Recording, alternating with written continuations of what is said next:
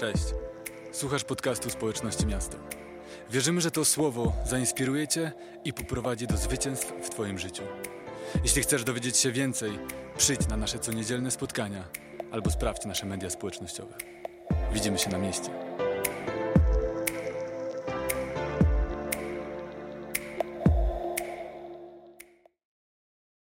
Cieszę się, że mogę tutaj być. Dzisiejsze, e, dzisiejsze kazanie, e, które przygotowałem, nosi tytuł Sztuka Kościoła. Sztuka Kościoła. I dzisiaj chcę powiedzieć o trzech aspektach tej sztuki Kościoła e, i naszego życia, które często, e, te aspekty, które często są może pomijane jako takie mniej ważne, mniej duchowe niż taka wspaniała na przykład modlitwa, wspaniałe uwielbienie, czytanie Słowa Bożego, a tak naprawdę są równie ważne w naszym życiu. No i chcę też dzisiaj powiedzieć o tym, dlaczego wiara potrzebuje brandingu. Wow. Dlaczego wiara potrzebuje brandingu, e, w jaki sposób kreatywność jest ważna dla Kościoła oraz czy powinniśmy trzymać się tradycji, czy może e, patrzeć daleko w przyszłość, kiedy dobieramy formę Kościoła czy naszego życia w kontekście wiary. I o tym dzisiaj chcę mówić, o tym chcę, żebyśmy dzisiaj pomyśleli razem. Em, Ale na start chcę Wam powiedzieć, że dziękuję Wam za wszystkie modlitwy. Wiem, że modliście się. E, Mój syn obecnie jeszcze jest w szpitalu e, od e, wtorku praktycznie. Nie było dobrze, jest dobrze. Bóg jest dobry, Bóg jest wierny. Mamy przełom po tej nocy. Czuję się już dobrze. Dziękuję nam, Wam bardzo, naprawdę bardzo serdecznie, ale nie ukrywam, że było to wyzwanie. Ten tydzień był ogromnym wyzwaniem. Oczywiście chcę również powiedzieć, że naprawdę, skoro jestem gościem, powiedzieć, macie naprawdę wspaniałych pastorów i liderów. Naprawdę wspaniałych. Ja szczególnie najwięcej ostatnio czasu spędzam z pastorem Alkiem Koniecznym, z którym nasze rozmowy zawsze są głębokie, zawsze są szczere, e, szczere, kreatywne też e, i naprawdę e, macie wspaniałego też pastora, mądrego, odważnego, więc proszę was teraz może zaklaszcie dla niego, również dla Pauliny, e, którzy są naprawdę niesamowici. Brawa dla was. Dziękuję Wam za Waszą mądrość, za Wasze przywództwo. Ten kościół, chcę Wam powiedzieć, jest wyjątkowy. Dla mnie na pewno bardzo mocno inspirujący. E, Dla nas też jako kościoła radość życia, e, z którego jestem, bo jestem duchownym i dyrektorem kreatywnym tamtego kościoła. Więc dziękuję Wam bardzo za Waszą inspirację dla nas i dla mnie osobiście. I wiecie, jeszcze jedną rzecz muszę powiedzieć na wstępie, zanim zacznę. E, Kiedy pastor Alek zadzwonił do mnie i poprosił mnie o to, żebym wygłosił tutaj kazanie jako gość, to ja oczywiście się bardzo ucieszyłem. E, On powiedział mi, kiedy zapytałem go, jaki temat, on powiedział, wiesz co, no ty jesteś kreatywny, Steven, no to głoś coś kreatywnego, o kreatywnym kościele, o kreatywnym Bogu, na pewno zrobisz to super. I wiecie, cieszyłem się bardzo, mówię, dobrze, no to jest mój chleb powszedni, bardzo chętnie, nie ma sprawy. I wiecie, cieszyłem się, przygotowywałem się bardzo, e, bardzo prężnie i z radością, aż do momentu, w którym wróciłem, tak po prostu stwierdziłem, że może wrócę, przesłucham pewne kazanie e, pastora Alka, które wygłosił o innowacyjnym e, chrześcijaństwie w czerwcu. I przesłuchałem to kazanie i potem już było mi mniej radośnie, bo, bo, e, bo po pierwsze to kazanie bardzo dużo mówiło też o kreatywności, a po drugie tam padło bardzo mocne słowo, słowo zdanie, że e, pastor Alek nie chce, żeby ten kościół był kreatywny, woli, żeby był innowacyjny. Także moje kazanie dzisiaj chyba nie ma w ogóle sensu. Nie wiem, czy dobrze przesłuchałem to kazanie. E, oczywiście żarty żartami. E, wiecie dobrze, o co chodzi, jeśli byście na tym kazaniu. Nie chodzi o to, żeby całkiem nie był, ale że woli. Okej, poradzę sobie z tym. E, obrałem trochę inny kierunek, inną perspektywę tego tematu i myślę, że dzisiaj będzie ciekawie. Mimo wszystko, jeśli to będzie sprzeczne z wizją waszego kościoła, to po prostu wyjdźcie najwyżej. Wyłączcie transmisję, będzie okej.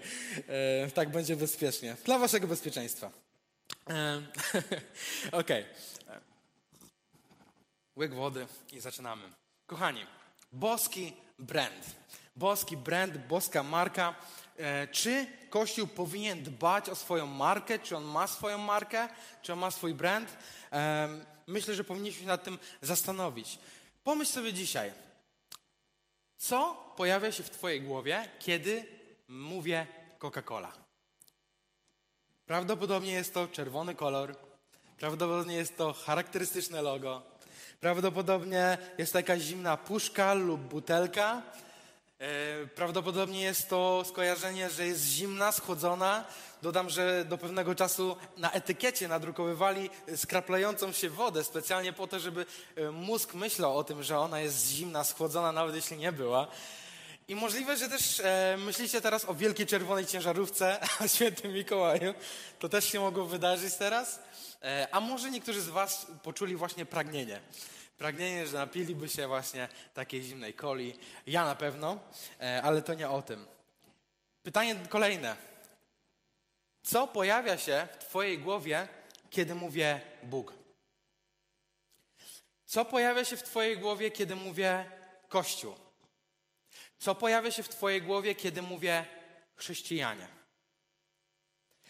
A teraz pomyśl o tym, dam bardzo mało czasu, ale pomyśl teraz o tym, co pojawia się w głowie osoby niewierzącej, kiedy słyszy te same słowa. Jakie ma skojarzenia? Wiecie, Jezus, Jezus, nasz wspaniały zbawca, przyszedł na ziemię. E, i to jego zadaniem, właśnie jednym z największych zadań było wskazywanie na Ojca. E, w jaki sposób to robił?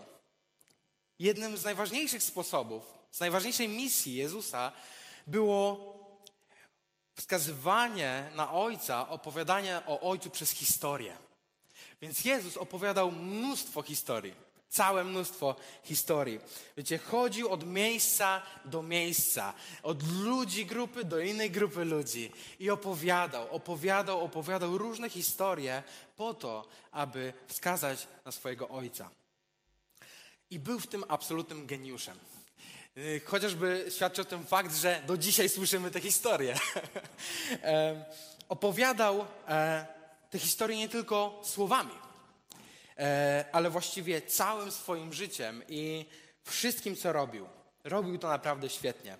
Robił to w klarowny sposób, tak bardzo, że ludzie wiedzieli i widzieli wręcz w nim Ojca. To było tak spójne i tak silne. Robił to często poprzez przypowieści. Przypowieści, których w Biblii znajdziemy między 33 a 60, zależy jakby definiować, co jest przypowieścią.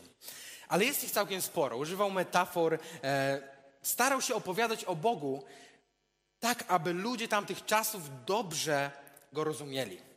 To było dla niego istotne. Starał się używać takiego języka i takich porównań, które były ludziom w tamtych czasach bliskie, zrozumiałe, dotyczyły ich codzienności. Jaka jest dzisiaj jedna z naszych misji? Tak samo jak wtedy Jezus opowiadał historię o swoim Ojcu, tak samo my mamy misję, aby opowiadać historię i wskazywać ją na Chrystusa. Amen. I chcę Ci dzisiaj powiedzieć, masz historię do opowiedzenia. Masz historię do opowiedzenia.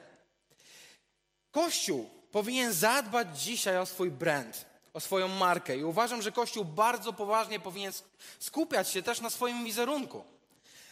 Jeśli wielkie firmy o to dbają, mają od tego ogromne działy osobne, które tylko o tym myślą, niczym innym, to jak bardziej Kościół, który ma tak wspaniałego Boga i tak wspaniałą historię zbawienia ludzkości do opowiedzenia, powinniśmy o tym myśleć.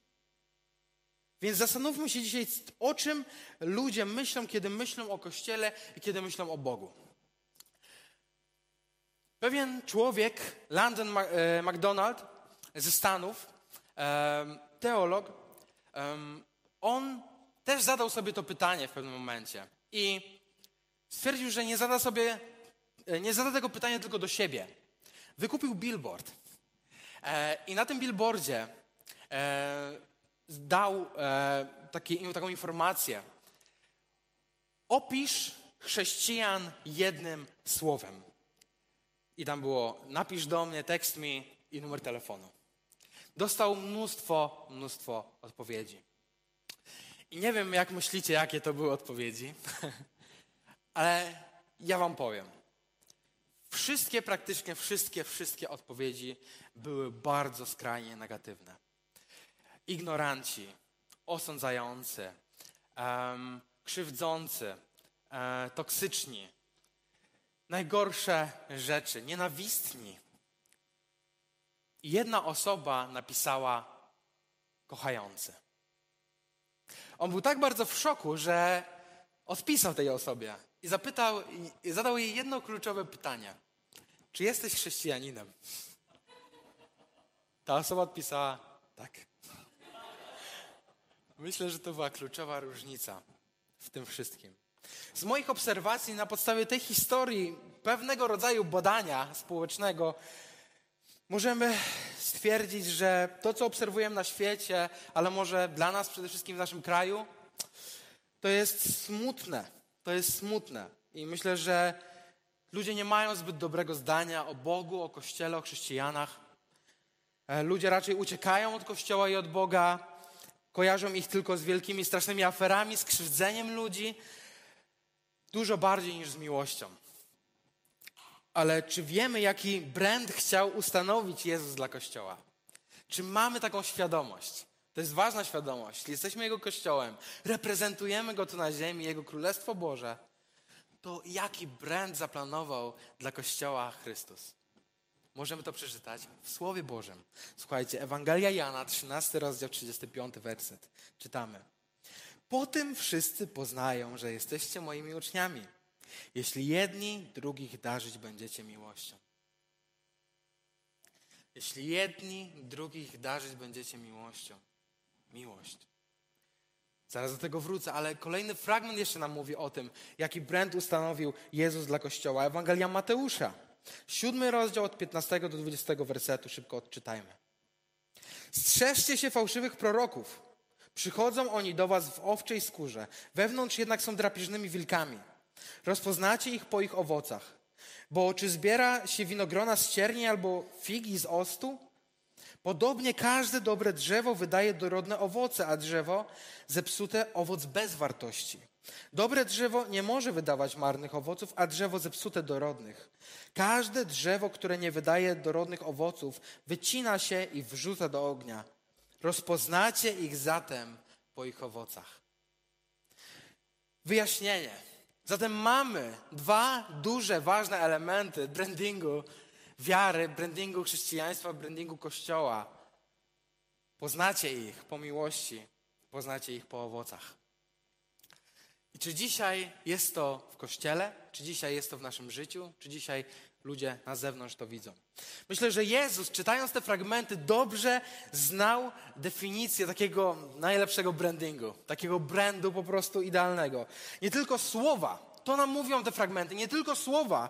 Nie wystarczy mówić tylko o sobie, że kochamy, jeśli ludzie sami tak nie myślą. Nie wierzą w to, nie widzą tego w nas. Nie ma takiej możliwości, że przekonamy ludzi tylko słowami, jeśli oni w ogóle nie kojarzą nas z tym. Poznacie ich po miłości, poznacie ich po owocach.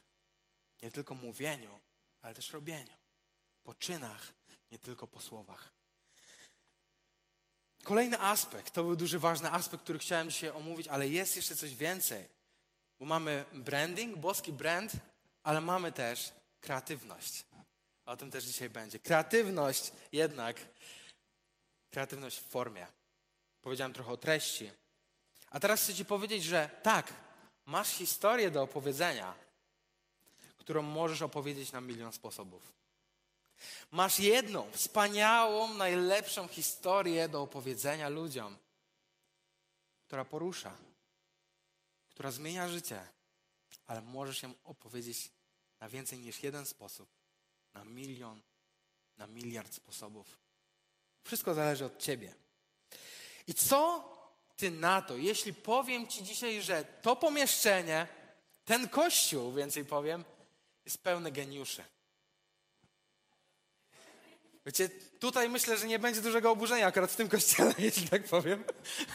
Albo zdziwienia. Komplement. E, więc czy pomyślicie rzeczywiście w ten sposób? E, w Księdze Rodzaju czytamy o tym, że na początku Bóg stworzył niebo i ziemię. On jest pierwszym i najwybitniejszym artystą. Bóg. Bóg stwórca. Ale dalej jest napisane, że On stworzył nas na swój obraz, na swoje podobieństwo. Tak proste słowo, tak prosty fragment, który myślę, że większość z nas kojarzy. Ale co to znaczy? To znaczy, że jesteśmy tak samo uzdolnieni do tworzenia, bo On jest stwórcą, a my jesteśmy stworzeni na Jego obraz. Tak? My jesteśmy stworzeni przez geniusza, przez prawdziwego geniusza, na Jego obraz, więc w naszym DNA jest DNA geniusza, więc my jesteśmy geniuszami na Jego obraz. On tworzy. Jest artystą, więc stworzył nas na swój obraz jako artystów, jako stwórców. Tylko ty musisz wybrać sposób, w jaki ten e, artystyczny, e, artystyczny wyraz się w tobie objawi. Idea znaczenia słowa geniusz i samo słowo pochodzi ze starożytnego Rzymu. A etymologia tego słowa prowadzi nas do słowa, e, do słowa ginere z łaciny, które znaczy płodzić. Ale wskazywało to na to w tamtych czasach, że to nie człowiek odpowiada za swój geniusz, tylko boski dotyk. I oczywiście tam wtedy wierzono w innych bogów, ale dzisiaj możemy jasno stwierdzić, że Bóg, który jest geniuszem, dał ci boski dotyk, aby w ciebie umieścić swój geniusz. Każdy z Was, który tutaj jest, który siedzi dzisiaj przed swoim ekranem, jesteś geniuszem. Tylko musisz znaleźć go i pozwolić mu się objawić. Skąd wiemy, że geniusz i kreatywność są tak potrzebne w Kościele? W Księdze Wyjścia w 35 rozdziale czytamy historię budowy przybytku, czyli wyjątkowego miejsca spotkania z Bogiem, z którego, w którego centrum stała Arka Przymierza, wspaniała Arka Przymierza, która niosła za sobą obecność Bożą. I tam, aby zbudować ten przybytek, cały lud znosił najcenniejsze rzeczy, które oddawał. Oddawali najcenniejsze e, kruszce, jakieś wonności, wszystko, materiały, wszystko, co najlepsze mieli, dawali po to, aby zbudować ten przybytek dla Boga. To miejsce spotkania z Najwyższym. Ale czytamy jeszcze kawałek dalej, też w Księdze Wyjścia, 35 rozdział od 30 do 33 wersetu. Wobec tego wszystkiego Mojżesz zwrócił Izraelitom uwagę. Spójrzcie, powiedział. Pan powołał imiennie Besalela, syna Uriego, syna Hura z plemienia Judy. Napełnił go on duchem Bożym, mądrością, pomysłowością, zmienię trochę kreatywnością, rozeznaniem i zręcznością w każdym rzemiośle. Potrafi on obmyślić plan, w innym gdzieś tam miejscu znajdziemy zaprojektować design. Zna się na pracach w złocie, srebrze oraz brązie, umie obrabiać i oprawiać kamienie, nie obca mu obróbka drewna, słowem potrafi wykonać najkunsztowniejszą robotę. I ta osoba została wybrana przez Boga do tego, żeby służyć swoją kreatywnością. On został napełniony Duchem Bożym, którego efektem to nie było jego. Tym efektem napełnienia Duchem Bożym była mądrość, była kreatywność, niesamowite talenty, dotyk geniusza, boski dotyk.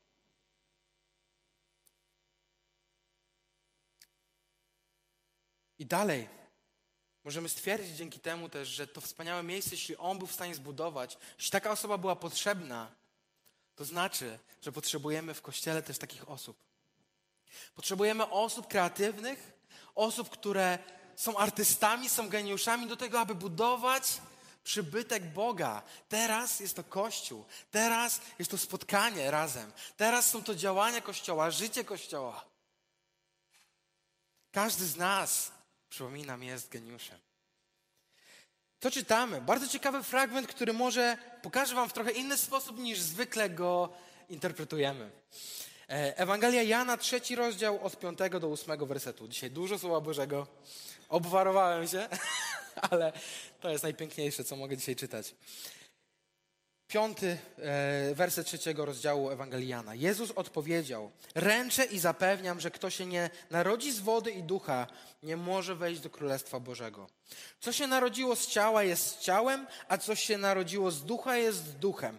Nie dziw się, że ci powiedziałem, musicie się na nowo narodzić. Uwaga. Wiatr wieje dokąd chce. Słyszysz jego szum, ale nie wiesz skąd nadciąga i dokąd zmierza. Tak jest z każdym, kto się narodził z ducha. Tak jest z każdym, kto się narodził z ducha. Kiedy Duch Boży na ciebie stępuje, tak jak na Besalela, tak jak na wiele innych osób, które czytamy w Biblii, które widzimy dzisiaj, kiedy Duch Boży na ciebie stępuje, to On wieje dokąd chce. To On czyni rzeczy czasami nieprzewidywalne. To On czyni rzeczy nowe, kreatywne. On czyni rzeczy takie, które nawet nam się czasami nie śnią. Jak najlepszy artysta, który przychodzi do ciebie i przez ciebie chce malować świat. Czasami w naszym chrześcijaństwie chcemy sobie tak super wszystko poukładać, żeby czuć się bezpiecznie, że zapominamy o tym, że Bóg też chce od nas spontaniczności. Że Bóg chce, pragnie od nas czegoś więcej niż rutyna, czegoś więcej niż wszystko, co znajome. Chce nowe rzeczy. Bóg chce czynić nowe rzeczy. Kiedy Duch Boży na ciebie stępuje, kiedy Duch Święty na ciebie stępuje, to On chce wiać w którą chce stronę. On chce, żebyś dał mu się po prostu ponosić w różne miejsca. Oczywiście w fundamencie Biblii, w fundamencie tego, kim jest Bóg dla ciebie, dla nas wszystkich. Ale daj mu się nieść. Daj mu się ponieść na tym wietrze. Nie daj się przygwoździć, przybić do ziemi. Bo inaczej nie wzlecisz, inaczej nie zobaczysz rzeczy tak wspaniałych, o których nawet się nie śni. I czytamy też w dziejach apostolskich, drugi rozdział, 17 werset. Słowa, które przypomniane są też z księgi Joela. Oto w dniach ostatecznych mówi Bóg. Wyleję z mego ducha na wszelkie działo. Prorokować będą wasi synowie i córki. Wasza młodzież mieć będzie widzenia, a waszym starcom dane będą sny. Owoce Ducha Świętego to nie tylko mówienie innymi językami, ale też prze, prze, czy dary, ale też przekazywanie wizji. Wizja, wizje, sny.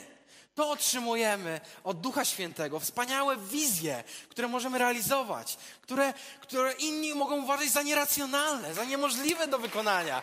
Ale my możemy w Bogu, Duch Święty przychodzi i wieje dokąd chce, a Ty dasz mu się ponieść. To przyjdzie z czymś absolutnie niemożliwym, ale możliwym w Nim. Odważ się mieć wizję i sny. Odważ się na coś więcej niż to, co już znasz, to, co, o czym już przeczytałeś, to, o co już zabiegasz. Bo takimi darami, które Bóg też daje, to jest taka przedsiębiorczość, takie przywództwo, to jest też innowacyjność, o której też było mówione wspaniale, wspaniałe kazanie. Kreatywność, sztuka, pionierstwo. To są rzeczy, z którymi przychodzi do Twojego życia Duch Boży i chce działać. Każdy z nas jest powołany do kreatywności. Każdy z nas jest powołany do bycia artystą, geniuszem na swój własny, wyjątkowy sposób. Tylko musisz go znaleźć. Patrz na swoje życie, patrz na to, jak Bóg Ciebie stworzył. Rozmawiaj z Nim, bądź coraz bliżej Niego, będziesz rozumieć Jego serce. Będziesz rozumieć Jego plan dla Ciebie. I zrozumiesz, jakiego rodzaju geniuszem jesteś. Bo jesteś i niech nikt inny nie wmówi Ci, że nie tak nie jest. To jest kłamstwo. To jest kłamstwo. Kreatywność wymaga też trzech rzeczy. Ostatnio, kiedy o tym myślałem, to szczególnie te mi się wybiły. Pewnie jest ich więcej, ale powiedzmy sobie o tych trzech. Ofiara. To, co tworzymy często, często artyści, kiedy tworzą rzeczy, to jest takie ich, to jest takie nasze. Cokolwiek tworzymy, cokolwiek jest nasze, cokolwiek zbudujemy własnymi rękami, własnymi siłami czujemy, to jest nasze. Ciężko nam wypuścić to. Ciężko nam oddać to komuś innemu. Ciężko nam odczepić od tego swoje zasługi.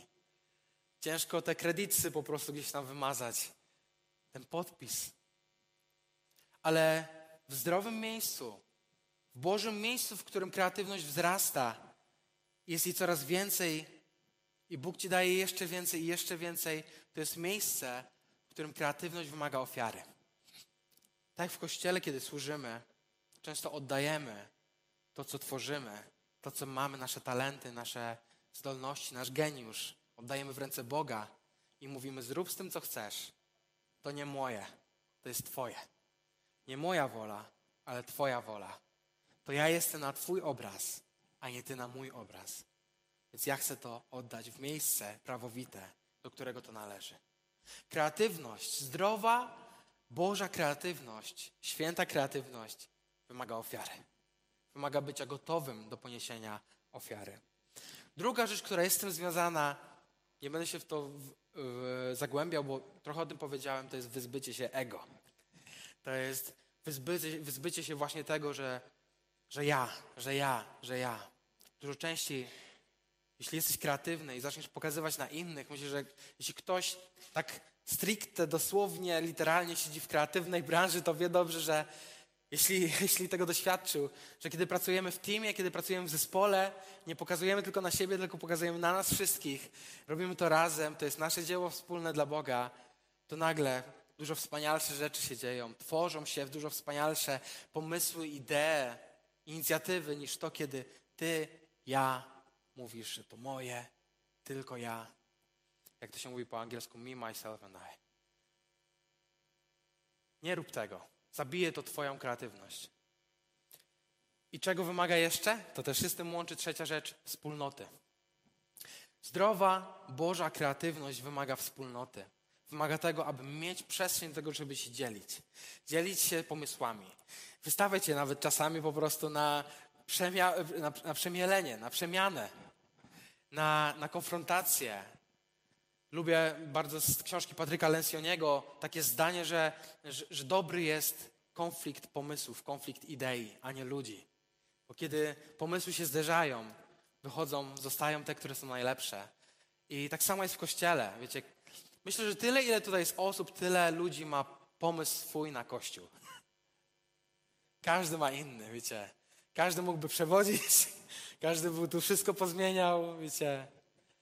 Ja cały czas z różnymi frustracjami się mierzę. To jest normalne, to jest naturalne, kiedy ktoś chce dobrze dla Kościoła, że chce go zmieniać, że chce coś robić z tym. Ale wyrzuć z siebie to, daj to komuś innemu. Nie trzymaj tego w sobie, ale też nie atakuj tego osobiście, tym osobiście innych.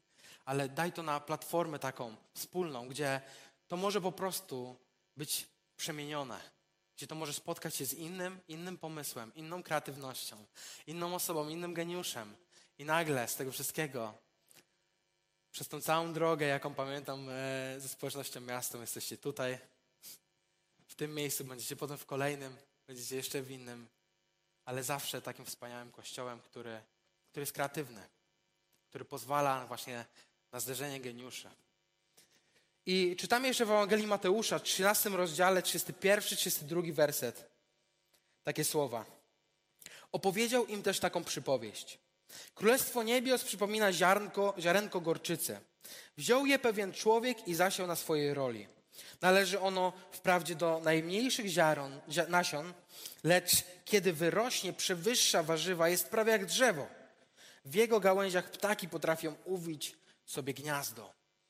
I tą przypowieść można na jeden konkretny sposób odczytać, ale dzisiaj chcę Wam powiedzieć o czymś, do, do czego zostałem natchniony. Spójrzcie na to, kiedy masz tą wiarę nawet najmniejszą w swoim życiu, która reprezentuje Królestwo Boże, masz moc stwórczą.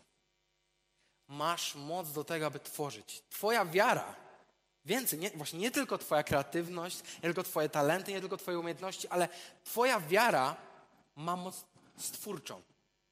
Nawet najmniejsza wiara, jak ziarenko gorczy, gorczycy, kiedy jest rzucone w dobre miejsce, to wyrośnie jak wielkie, ogromne drzewo i jeszcze pozwoli innym się tam schronić. Będzie rozwiązaniem na jakiś problem. I o tym też chcę powiedzieć. Dlaczego kreatywność może być zła. Kreatywność może być zła, kiedy ona nie rozwiązuje czegoś, kiedy ona niczemu nie służy. Dobra kreatywność jest powiązana też często z innowacyjnością. Jest często powiązana z rozwiązywaniem problemów, bo o to, jak słyszeliśmy, nam chodzi w kościele. O rozwiązywanie problemów. Kreatywność może nam w tym pomóc. Nie musi być przeciwieństwem. Kreatywność może nam w tym pomóc, aby rozwiązać problemy ludzi, rozwiązać problemy, które, z którymi się mierzą. I do tego Was zachęcam, abyście żyli w kreatywny sposób. Trzecia rzecz, trzeci obszar sztuki Kościoła, o której chcę powiedzieć, powiedziałem już o boskim brędzie, powiedziałem już o, o kreatywności, a teraz chcę Wam powiedzieć o Kościele, który jest współczesny. Czyli chcę Ci powiedzieć, że masz historię do opowiedzenia, tak, ale musisz mówić zrozumiale. Masz historię, wspaniałą historię do opowiedzenia, ale musisz mówić zrozumiale. I przejdziemy do Słowa Bożego. Pierwsza Księga Kronik, 12 rozdział, 32 werset. Wodzowie z Issachara, ludzie świadomi czasów i tego, co powinien uczynić Izrael. Przeczytamy jeszcze Ewangelia Mateusza, 16 rozdział, 3 werset. Rano mówicie, zanosi się na deszcz, niebo zaczerwienione i robi się pochmurno. Z jednej więc strony potraficie wyciągać wnioski z wyglądu nieba, a z drugiej nie umiecie pojąć znaków czasu? W tych fragmentach możemy dobrze zauważyć, jak ważne jest rozpoznawanie czasów, w których się znajdujemy. Wodzowie i Sahara byli nazwani ludźmi świadomymi czasów i tego, co powinien w tamtym momencie uczynić Izrael. Czy my, jako ludzie, jesteśmy świadomi czasów, w których się znaleźliśmy i tego, co powinien uczynić Kościół? Czy to wiemy? Czy rozpoznajemy te czasy, w których żyjemy? Jest to niesamowicie istotne. I chcę Wam przeczytać jeszcze jeden fragment, który, który myślę powie nam coś więcej o tym, kto ma rację właśnie. Czy powinniśmy trzymać się tradycji? Czy powinniśmy w formie Kościoła obrać jakiś jeden wybrany kierunek niezmienny, który, chociaż jak może być niezmienny, musimy po prostu wybrać konkretny okres czasu, okres po prostu, w których kości, którym Kościół był i trzymać się go. Czy to jest dobre? Czy tak powinniśmy robić? I kontrę, jako kontrę chciałbym wam powiedzieć o tym, czy powinniśmy może jednak bardziej myśleć o przyszłości. Myśleć o tym, czy powinniśmy po prostu wy, wy, wychodzić w przyszłość, tak być takimi futurystami. Marzyć w taki sposób, który nas po prostu przenosi. W czasie już myślimy o tym, co będzie i w ten sposób działamy już teraz. I przeczytam wam werset teraz, fragment Pisma Świętego, który bardzo dobitnie wyjaśni nam, kim jest nasz Bóg. Księga Wyjścia, trzeci rozdział od 13 do 14 wersetu. Lecz Mojżesz mówił dalej. Dobrze, przychodzę do synów Izraela. Mówię, Bóg waszych ojców posłał mnie do was. A oni pytają, jak on ma na imię? To co im wtedy powiem? W tym momencie Mojżesz jest przed Bogiem, przed krzewem i pyta, co ma powiedzieć. Co ma powiedzieć tym ludziom, którzy go w ogóle nie znają, bo przecież on, im się, on mu się objawił. Jak ma go nazwać? I w czternastym wersecie Bóg odpowiada: Jestem, który jestem. Powiedział Bóg do Mojżesza. Oznajmisz synom Izraela: Jestem, posłał mnie. Jestem, który jestem. Bóg nie powiedział, że ma na imię Jestem, który byłem. Ani też nie powiedział Byłem, który byłem. Nie powiedział też, że ma na imię Jestem, który będę. Albo będę, który będę. No to, kiedy będę, to będę. Nie powiedział tak. Bóg jest najbardziej współczesną osobą, jaką możesz znać. Bo Jego imię brzmi Jestem, który jestem. Bo Jego imię brzmi Jestem, który jestem. Nie ma bardziej współczesnej osoby, która by żyła, która by istniała, jak nasz wspaniały Bóg, który nie myśli tylko o przyszłości, nie utknął w przyszłości. On jest aktualny. On jest dzisiaj dla Twojego problemu. On jest dzisiaj dla Twojej sytuacji i jest dzisiaj tak silny, tak potężny. Jest, że nie ma problemu. Jest też tak elastyczny, nie ma problemu, żeby dostosować swoją formę do Twojego problemu, do Twojej sytuacji.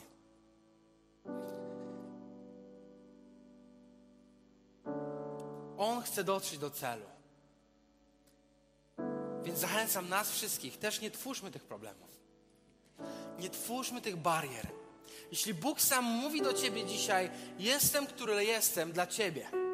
Jestem, który jestem dla twojej choroby. Jestem dzisiaj aktualny. Jestem, który jestem dla twoich pytań, dla twoich wątpliwości. Jestem dzisiaj aktualny. Jestem dzisiaj dla każdego pytania, które chcesz mi zadać. Jestem dzisiaj dla każdego człowieka aktualny. Bo największą moją pasją, największą moją miłością, na, marzeniem jest to, aby uratować ludzi. Aby uratować każdego człowieka. Dzisiaj mówi Bóg. A pobożne, święte wymówki i rytuały, których się często trzymamy, możemy zostawić ze sobą. Bo otrzymujemy od Boga Bożą współczesność i zachętę do działania. Dzisiaj. Dzisiaj. Nie wczoraj. Dzisiaj. Dzisiaj jest dzień zbawienia, mówi Pan. Dzisiaj jestem, który jestem. Ale czymś, co może zabić Kościół, to jest może dla Was coś nowego będzie, takiego ja dużo o tym myślę ostatnio. Ostatnio, czyli przez ostatni rok, dwa lata. Myślę, że to może dotyczyć trochę mniejszej grupy, ale czymś, co zabija też Kościół, może być futuryzm. Futuryzm. Życie w przyszłości i tego może mogliście się nie spodziewać. Mam taką nadzieję. Ale Bóg bardzo wyraźnie pokazuje mi też ostatnio, że wcale nie będę, który będę jestem, który jestem. I co to znaczy? Z tego samego powodu, dla którego nostalgia zabija Kościół, niezdrowa gonitwa za pionierstwem też potrafi to zrobić.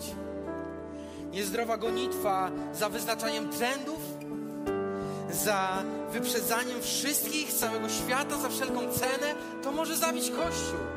Bo my nie jesteśmy powołani tylko do tego, żeby być pionierami. Bo my nie jesteśmy powołani tylko do tego, żeby robić rzeczy, które kiedyś ludzie docenią. Nie jesteśmy artystami teraz, którzy mamy być teraz umęczeni, niezrozumiani i czekać na swój moment po śmierci. Bóg nie powołuje nas do tego. Bóg nas powołuje do tego, abyśmy byli bardziej aktualni niż ludzie, którzy teraz tutaj żyją. Abyśmy nie byli odrealnieni, abyśmy byli kreatywni, abyśmy byli artystami, geniuszami, ale takimi, którzy rozumieją ludzi, którzy dzisiaj żyją. Bo jestem, który jestem. On jest naszym wyznacznikiem. Stworzeni na Jego obraz, więc musimy być kreatywni we współczesności, nie rozerwalni, ani nostalgiczni, ani futurystyczni, tylko współcześni. Ja akurat doświadczyłem tego sferze kreatywnej, ale każdy z nas może doświadczyć tego wyboru. Czy trzymam się starych zasad, czy trzymam się starych schematów, czy trzymam się tradycji, czy trzymam się tego, że ciągle nikt mnie nie rozumie, że ja robię rzeczy, które wykraczają totalnie pojęcie ludzi dzisiaj. Takie wspaniałe, ojejku. Ci głupi ludzie mnie nie rozumieją. Ja im próbuję pokazać Boga w taki niesamowicie świeży sposób. Oni w ogóle nic nie rozumieją, w ogóle lepiej do innych będę mówić. Nie. Masz mówić właśnie do. Masz mówić do wszystkich tych ludzi, którzy potrzebują zbawienia, którzy są zgubieni. Nie odtrąć żadnej osoby na swojej drodze tylko ze względu na swoje własne preferencje. To się Bogu nie podoba. To się Bogu nie podoba. Jeśli Kościół działa w taki sposób, powiem odważnie, to się Bogu nie podoba.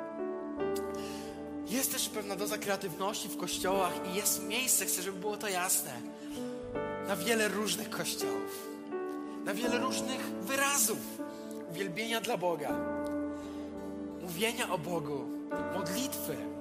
Gdzie to, co tutaj macie, wiele z tych rzeczy nie są rzeczami, które my mamy w naszym kościele chociażby. Albo jeśli przeniesiemy się do jeszcze innego kościoła, tam ludzie w ogóle nie rozumieją tego, co tutaj się dzieje. Ale to jest w porządku. Porządku. Dopóki nie rzucamy w siebie kamieniami z tego powodu, dopóki nie wytykamy siebie palcami, dopóki nie próbujemy uświęcać formy ponad treść, to wszystko jest w porządku. Dopóki szanujemy się, dopóki to, po czym można nas poznać, to jest miłość wzajemna i owoce, to wszystko jest w porządku. Dopóki nasze serca są we właściwym miejscu, dopóki wyraz tego, jak wygląda Kościół, wynika z miłości do Boga i do ludzi, wynika z otwartości, wynika z kreatywności, z tego, że jesteśmy świadomi wizerunku i czasów, w jakich się znaleźliśmy, to wszystko jest na swoim miejscu.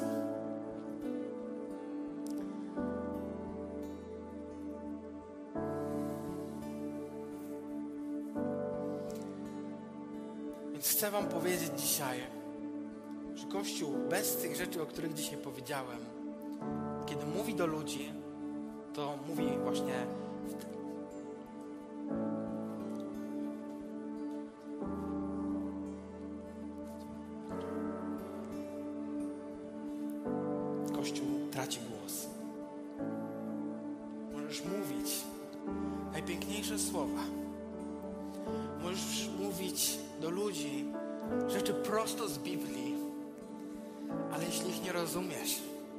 próbujesz ich zrozumieć, jeśli nie rozumiesz historii, wspaniałej historii, którą masz do opowiedzenia, jeśli nie rozumiesz tego, jaki branding, jaki wizerunek narzucił nam Chrystus, dopóki nie rozumiesz tego, że jesteśmy tutaj, żyjemy dla tych ludzi w taki sposób,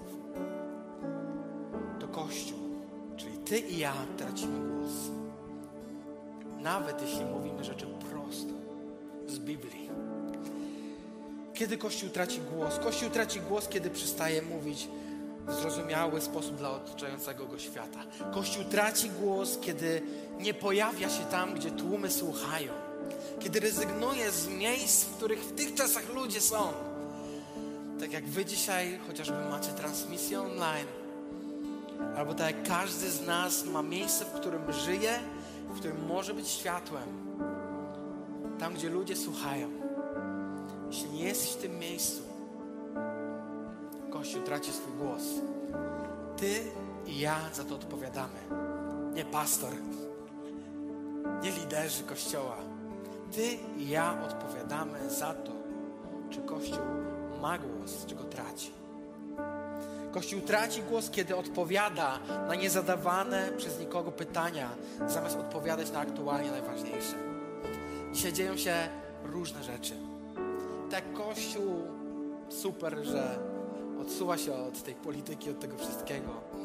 Tak ludzie nadal mają pytania, które nie wymagają od nas politycznego, e, deklaracji politycznej. Ludzie mają problemy.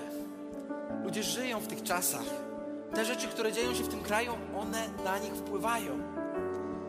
Z Kościół, który udaje, Kościół, który udaje, że to się nie dzieje, jest super kazanie o rzeczach, które totalnie nie mają związku z tym, co ludzie przeżywają aktualnie. To jest tak, jakby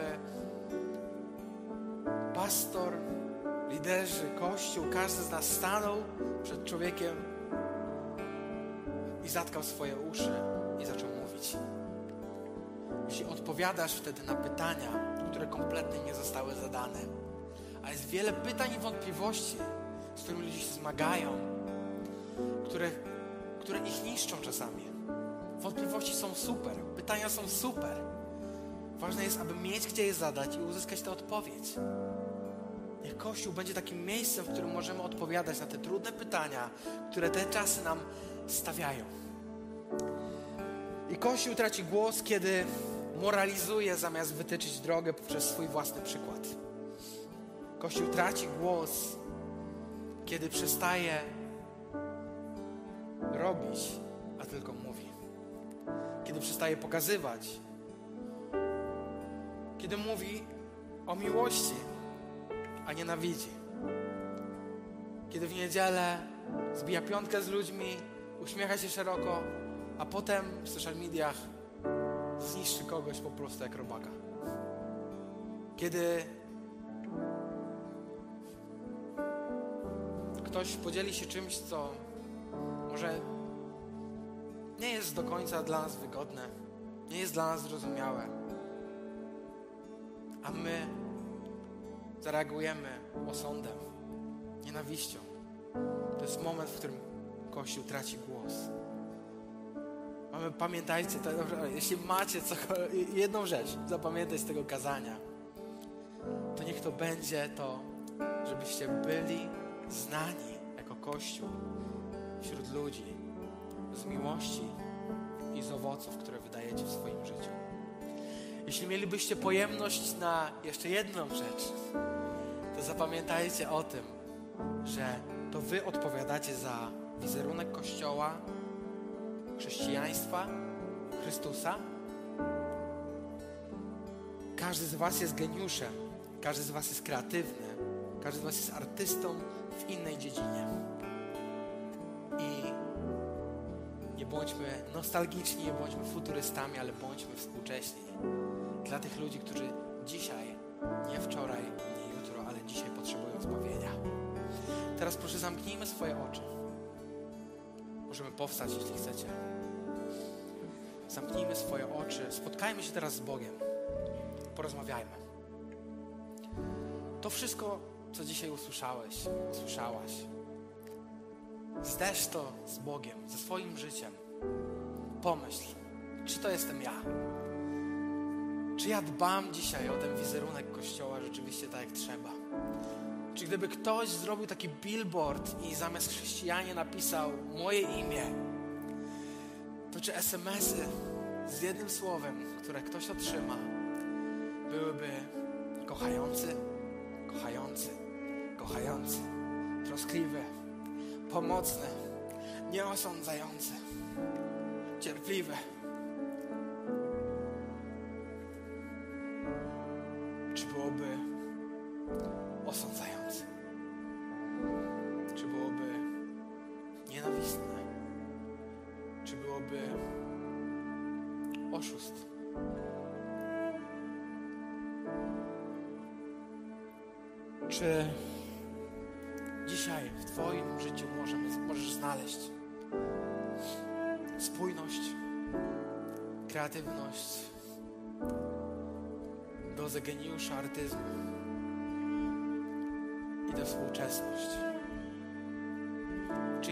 dobrym głosem Kościoła, dobrym głosem Chrystusa i Boga dzisiaj na ziemi?